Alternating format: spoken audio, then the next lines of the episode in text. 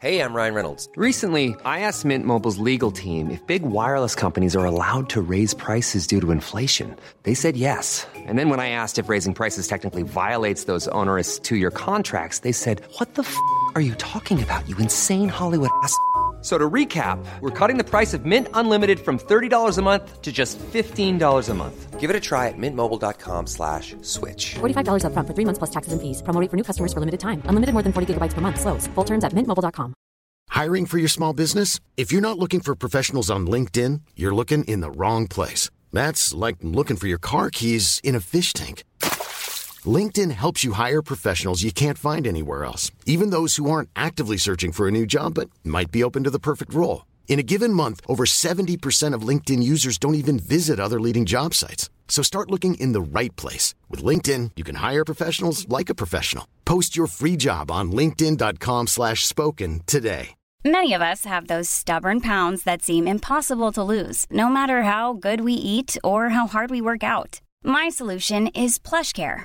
PlushCare is a leading telehealth provider with doctors who are there for you day and night to partner with you in your weight loss journey. They can prescribe FDA-approved weight loss medications like Wagovi and Zepbound for those who qualify.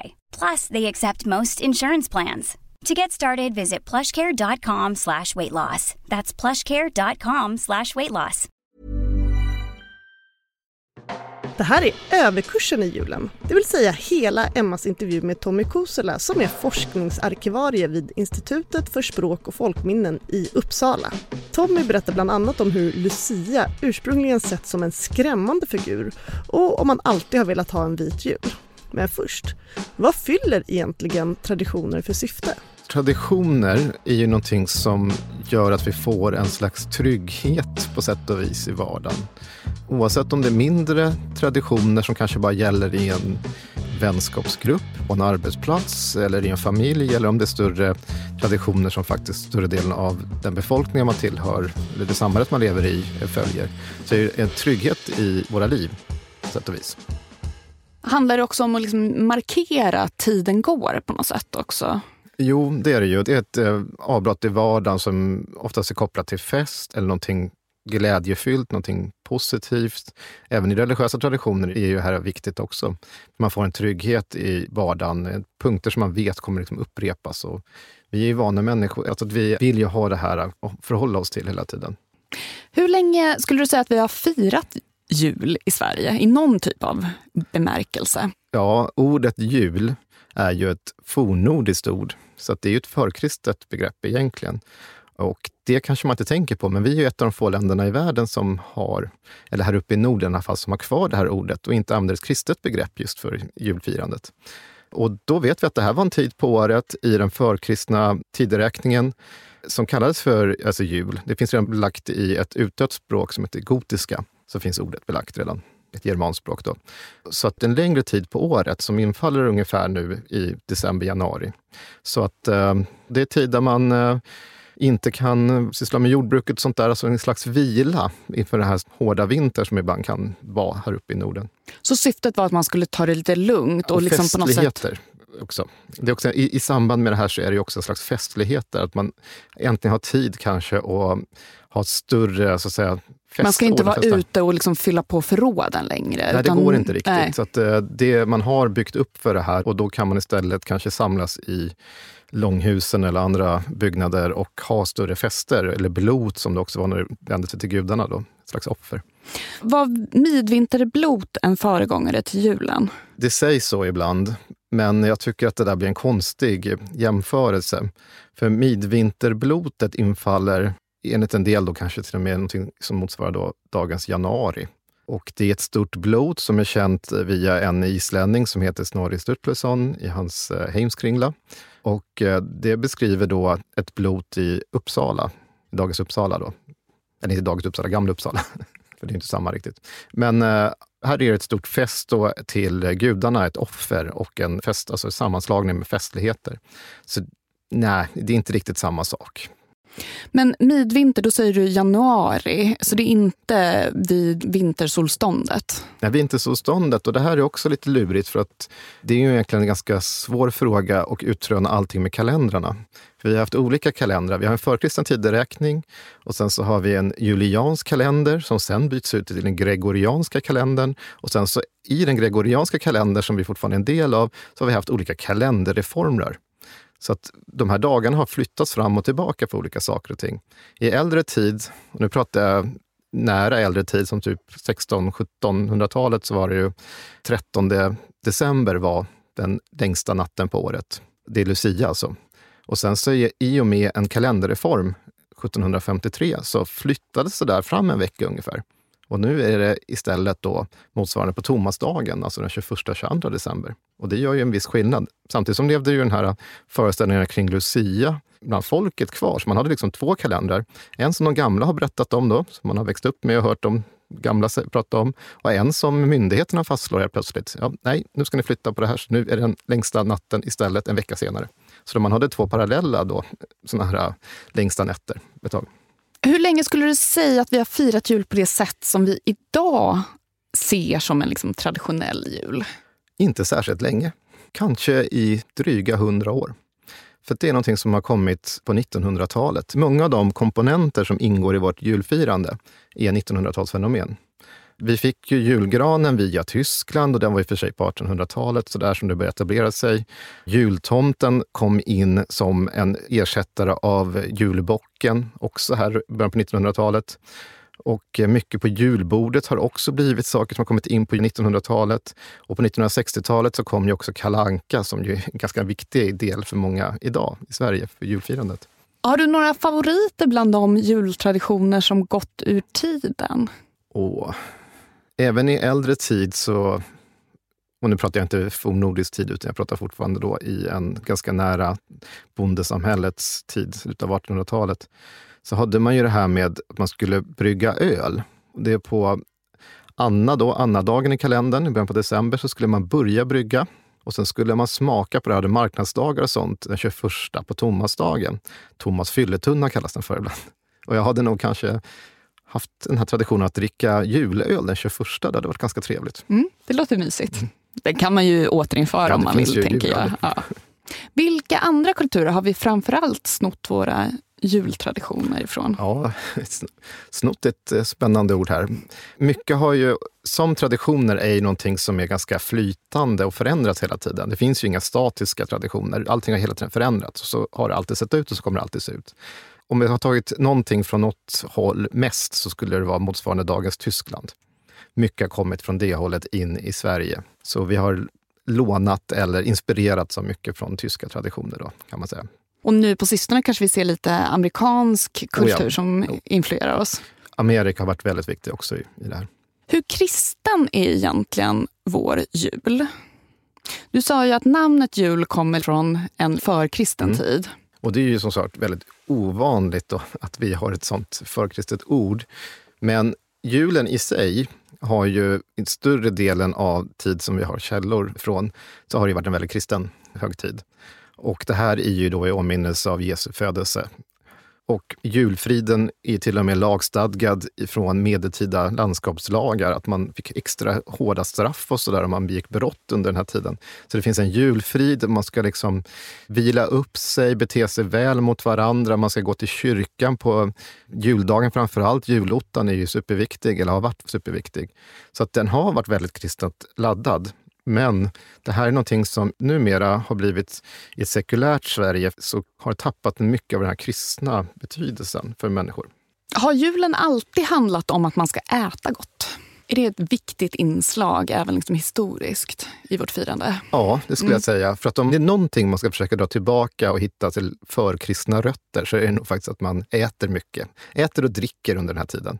Så äh, ätande, absolut. Och eh, i katolsk tid så hade man ju fasta inför jul.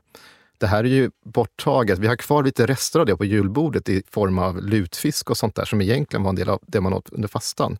För att det var först nu kring julen man fick ta del av kött, alltså julskinkan och, eller julkorv eller köttbullar som vi tänker på mycket i Sverige. Så det här är typiska man lever lite i överflöd som man har samlat för. Då. Och vad var syftet med fastan? Det är också som med påskfasta och sådär, att man ska rena sig själv lite grann. Att eh, åminna det kristna budskapet så att säga i julen. Så det här är ett sätt att pröva sig själv som människa. Att, eh, ja, en slags reningsritual kan man nästan säga förenklat. Då. Men det är liksom kopplat till religion. Idag kopplat, är det ju ja. folk som liksom fastar av hälsoskäl och sådana ja, där saker. Det. Nej, men det är helt religiöst. Hur länge har vi då haft julgranen? Du nämnde att den här julen som vi har idag är relativt ny och det mm. gäller då också julgranen. Ja, den har ju kommit in och det här är ju någonting som kommer från en borgarmiljö egentligen. Mycket av det i dagens julfirande är också från borgarklassen, så att säga. Stadsmiljöer som har spridits ut sen.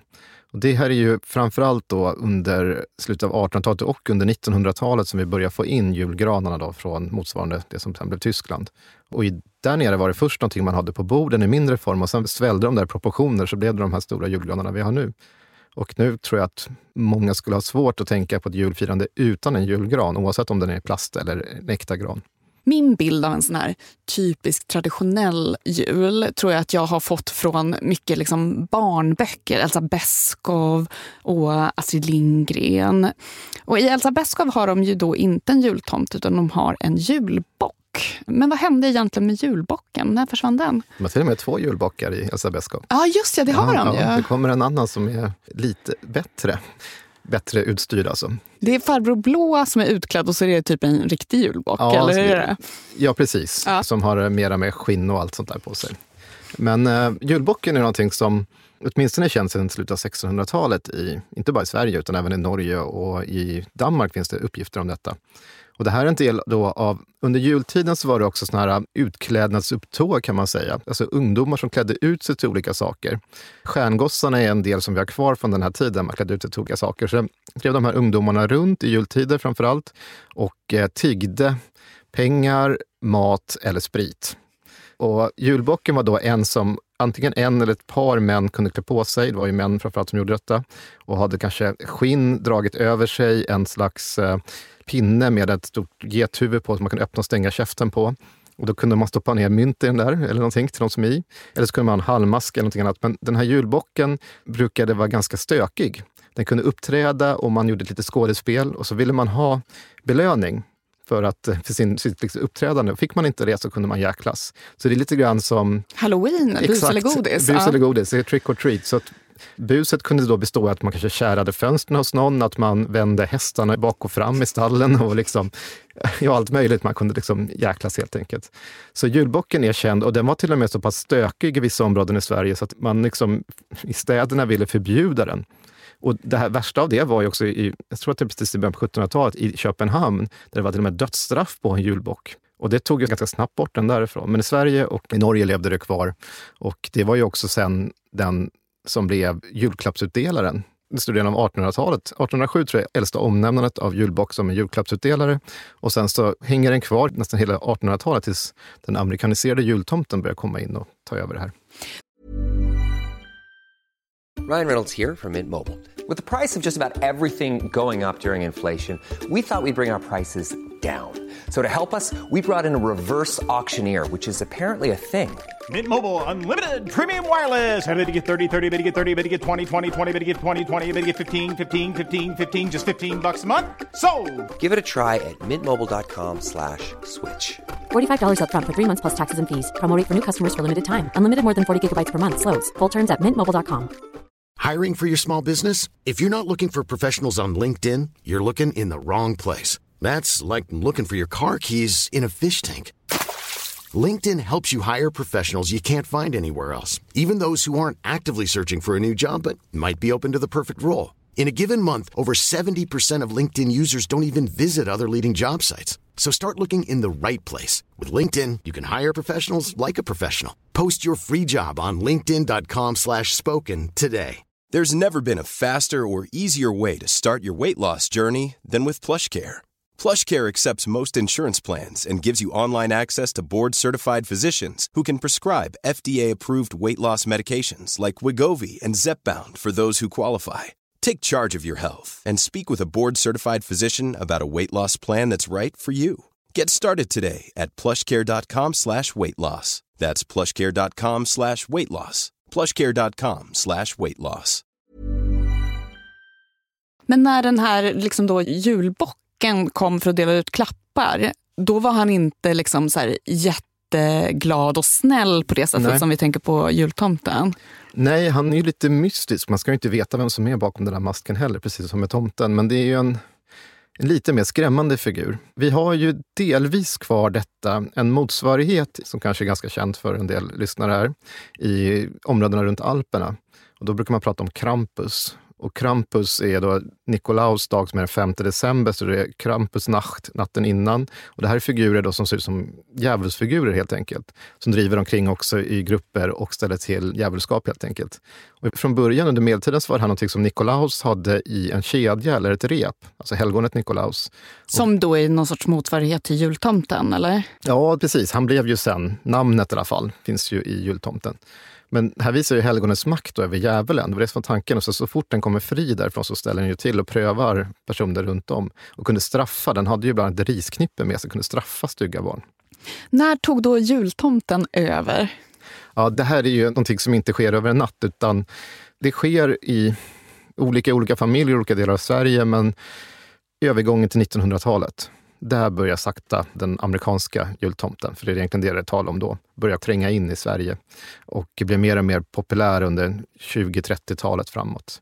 Och varför det blir så har många olika förklaringar. Jultidningar och konstnärer som utformar alltså jultomten och såna här saker. Är vår jultomte då liksom en motsvarighet till Santa Claus eller är det liksom en annan? För att jag får ändå för mig i min barndom till exempel att jultomten kanske inte var den här lite mer sträng, frågade om det finns några snälla barn här, medan den amerikanska jultomten säger ho, ho, ho och är liksom tjock och glad. Är vår liksom någon sorts korsning mellan då den amerikanska jultomten och julbocken? Ja, det kan man faktiskt säga. Alltså, den amerikanska jultomten, det här är egentligen en ganska lång historia. Jag ska försöka komprimera den så kort det går. Men tar helgonet Nikolaus, som är känt då sedan 200-300-talet, motsvarande dagens Turkiet. Det är ett helgon då som har funnits i katolsk och ortodox kyrka. Det namnet har gett upphov till Santa Claus och det gick så att det blev en Nikolauskult i stora delar av Europa, inklusive i Sverige. Och när holländarna hade den här, då hette han Sinterklaas. Och Sinterklaas, när holländare emigrerade till USA, blev Santa Claus. Och där utformades också en bild av jultomten av olika konstnärer och diktare och poeter och sånt där, som sen kom till Sverige. Och eh, en av de som utformade den här amerikanska jultomten var Haddon Sundblom. Och han var då svensk och Ålandsättling. Så de pratar svenska i hans familj och så, men han utformade alltså Coca-Colas jultomte med den röda dräkten och så. Och i Sverige så hade vi då, innan han kom in här, så hade vi julgubben och lite allt möjligt. Och det kom framförallt via jultidningar som var superpopulära i början på 1900-talet, så försökte man liksom föreställa sig vad ska man ha för symbol för julen? Då kunde det vara julgubbe, det kunde vara en jultomte som ord, kom ju också in här ganska tidigt under 1860-talet, tror jag äldsta omnamnet där. Och den här kom så småningom bli ihopblandad med den här amerikanska. För innan så var det inte helt självklart att den skulle ha röda kläder och stora vita skägget och vara tjock farbror, utan det kunde vara brun direkt, kunde vara skinn och det kunde vara en ganska hotfull figur. Och liksom, det var inte helt säkert, även om det såklart skulle vara en del till glädje för barnen, för att det var ju ändå en julklappsutdelare. Men har jultomten något med gårdstomtar att göra? Ja, det också. det är Det är- en himla blandning. Ja, det är en himla blandning. Ordet jultomte i Sverige är faktiskt unikt, till och med i Skandinavien. För vi har en sammansättning av två ord. Jul som ett förkristet begrepp, tomte som kommer av gårdstomte. Inte ens en gång i Danmark och så där, de pratar om julman istället. Och julgubben säger man då, om man skulle översätta finskan, eller julbocken där. Så jultomten är då, tomtedelen är av gårdstomten, som är en slags gårdsväktare, ett övernaturligt väsen som fanns över hela landet. Och den här blev populär via konstnärer. Jenny Nyström, kanske mest känd, som började illustrera mycket julkort. Först illustrerade hon ju Viktor Rydbergs dikt Tomten, som jag tror de flesta känner igen. Och det är ju en gårdstomte, Det är det är, en ju inte liksom exakt. Santa Claus. Nej, och det är Nej. en gårdstomte. Och då var Jenny Nyström bara tonåring när hon illustrerade första gången för Viktor Rydberg. Och han var inte så nöjd, för han tyckte den var för grov och sådär, hennes första teckningar. Men sen så blev det ju hennes livsverk så att säga och började måla tomtar och då blev de glada, de började uppträda i grupper och fick mer och mer av de här julsymbolerna och de var också en julklappsutdelare. Och andra konstnärer tog vid och gjorde mer och mer av det här så att de har ju varit väldigt viktiga i att forma vår bild av jultomten. Som ju påminner, men ändå inte exakt samma sak som den amerikanska jultomten. Hur skulle du säga att mörker och kyla har påverkat våra jultraditioner? Men det har påverkat på så sätt att när det är mörkt uppe i ett land som Sverige så är det väldigt mörkt. Midvintern är ju verkligen en... När det är som den längsta natten så är det nästan mörker hela tiden. Och det här är en farlig tid på året. Enligt folktron, eller folkliga föreställningar, så var det här en tid där de övernaturliga väsena var ute och rörde på sig extra mycket. De döda var extra mycket i rörelse och sådär. Så det var ganska farligt att vistas ute, så man skulle gärna hålla sig inomhus i värmen så att säga. Så det här har påverkat då att det här är mörka nätter, det är förknippat med mycket faror och sådär, så man håller sig gärna inomhus eller med nära och kära helt enkelt. Och när vi föreställer oss en sån här fin traditionell jul, då vill vi gärna att det ska vara en vit jul. Mm. Har man alltid velat ha en vit jul? En vit jul är på många sätt bättre, alltså med mycket snö och så, än vad en slaskig jul är. Alltså när det är blött och slaskigt, det har man inte tyckt om även förr. Det är ju lättare att färdas fram när det är mycket snö. Då kan man lätt åka med slädar och sånt. Är det blask ute så är det väldigt svårt att ta sig fram och det blir faktiskt kallare, upplevs kallare. Så att eh, en, som vi kallar för en vit jul, har ju fortfarande varit populärt även i äldre tid. Skulle du säga att våra traditioner urholkas om man liksom börjar äta vegetariskt julbord eller julpynta innan första advent? Det är en känslig fråga för en del. Alltid när traditioner förändras för snabbt, då är det alltid människor som reagerar. Men saken är ju den att traditionen har ju alltid ändrats. Det är ju så att även det som många upplever som kanske vara mest eh, traditionella element på julbordet är ju oftast inte när man forskar på det särskilt gamla, utan de har ju också kommit in någon gång. Så att vi har ju inget ursprung vad som verkligen är det äkta. Så att det blir vegetarisk mat och sånt, det ser jag då som forskare inga som helst problem med. Det är ju en fortsättning på att man utvecklar eller förändrar i julbordet bara.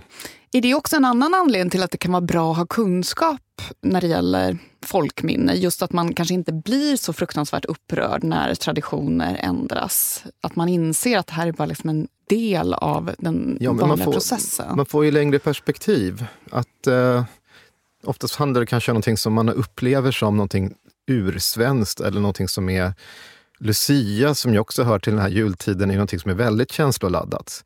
Och folk har ju sin idé om hur ett ursprungligt Lucia-firande ska se ut.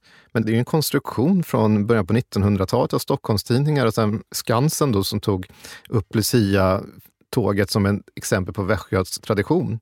Och går vi ut och tittar i folkminnesarkiven hur man har sett på Lucia, eller ens har firat det säg under 1800-talet. Jag gjorde en sammanställning av detta och man har ingen aning om Lucia var. Hon kan vara en fyllekaja, hon var gift med eh, kejsar Nero. Och liksom, det var alla möjliga konstiga saker som dyker upp och oftast förknippas hon eller, eller med djävulen också, för man ser sammanlikningar med Lusse, Lussi och Lucifer. Och då blir det helt plötsligt far, det är en farlig tid för den längsta natten och då är det mycket som är hotfullt och då blir också hon hotfull. Så att det är inte alls den här firandet som finns, som man tänker idag. Jag kan ta ett till exempel. För i början på 2000-talet så tog SVT hade ett eh, Lucia-tåg från Dalarna. Och eh, kort efter det så blev det en så kallad klagomur som växte från allmänheten. Och vad man var sur på då, det var att Lucia hade folkdräkt på sig och att man hade folkmusik.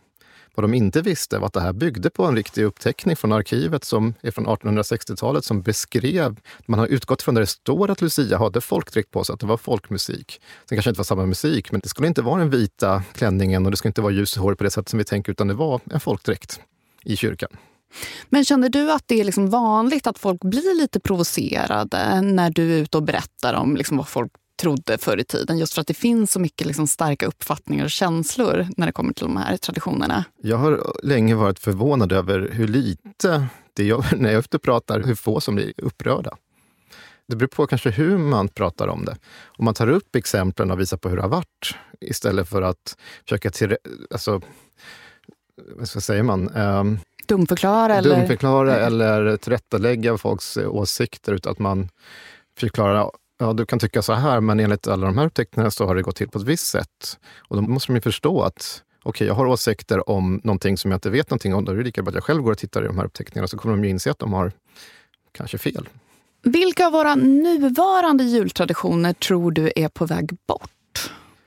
Oj, det här är alltid svårt att sia om. Jag har tänkt på en grej Mm. eh, och det är det här med att förr sa man ju alltid dopparedagen. Mm. Dagen före dopparedagen. Ja, Men just just, det. det här med dopp, Dopp i grytan. det är väl inte liksom alltid lika vanligt förekommande nu. Och just det här med, Nej. jag vet inte om mina barn skulle fatta vad dopparedagen betyder. Nej, det är sant. Och sen, om jag ska säga något väldigt nästan provocerande då. Någonting som jag inte vet om det är på väg bort, men någonting som har alla fall förändrats, det är kalanka. För att när jag var liten så var ju Kalle Anka väldigt magiskt. Det var ju, äntligen fick man se tecknat i en längre svit. Upplevelsen idag bland många barn är att de tycker inte alls det där är spännande. De vill inte sitta där. De har ju tillgång till tecknad film hela tiden. Och det där känns som en jättetråkig grej som bara vuxna vill titta på. Så det kanske kan vara någonting som kommer försvinna på sikt till förmån för annat. Så ja, jag vet inte. Mm. Nej, men det tror jag också. Och ju, julottan är väl någonting också som har minskat i betydelse hos många familjer. Har du några tankar om jultraditioner som kommer att bestå? Ja, alltså att man ger gåvor på något sätt, julklappar. Det kommer med all sannolikhet finnas kvar, för det verkar väl vara både bland barn och bland vuxna någonting som många tycker om. Det behöver inte vara dyrbara saker, men att man ger någonting till varandra. Att det är en tid när man liksom visar omtanke och så. Det är väl det som kanske är i den här julkänslan som kommer finnas kvar. Det finns säkert också kommersiella krafter som vill att den Oh ja, traditionen oh ja. ska bestå. Det- De skulle verkligen inte vilja att den skulle försvinna. Tack Tommy Kosela för att du vill gästa vår podd och tack för att just du har lyssnat. Nästa vecka kommer Tommy tillbaka och berättar då om nyårstraditioner. Och jag, Clara Wallin och Emma Frans fördjupar oss i champagne och hur man håller sina nyårslöften. Prenumerera på A-kursen i din poddapp så får du en notifikation när avsnittet kommer ut. Och det här avsnittet har spelats in på Beppo.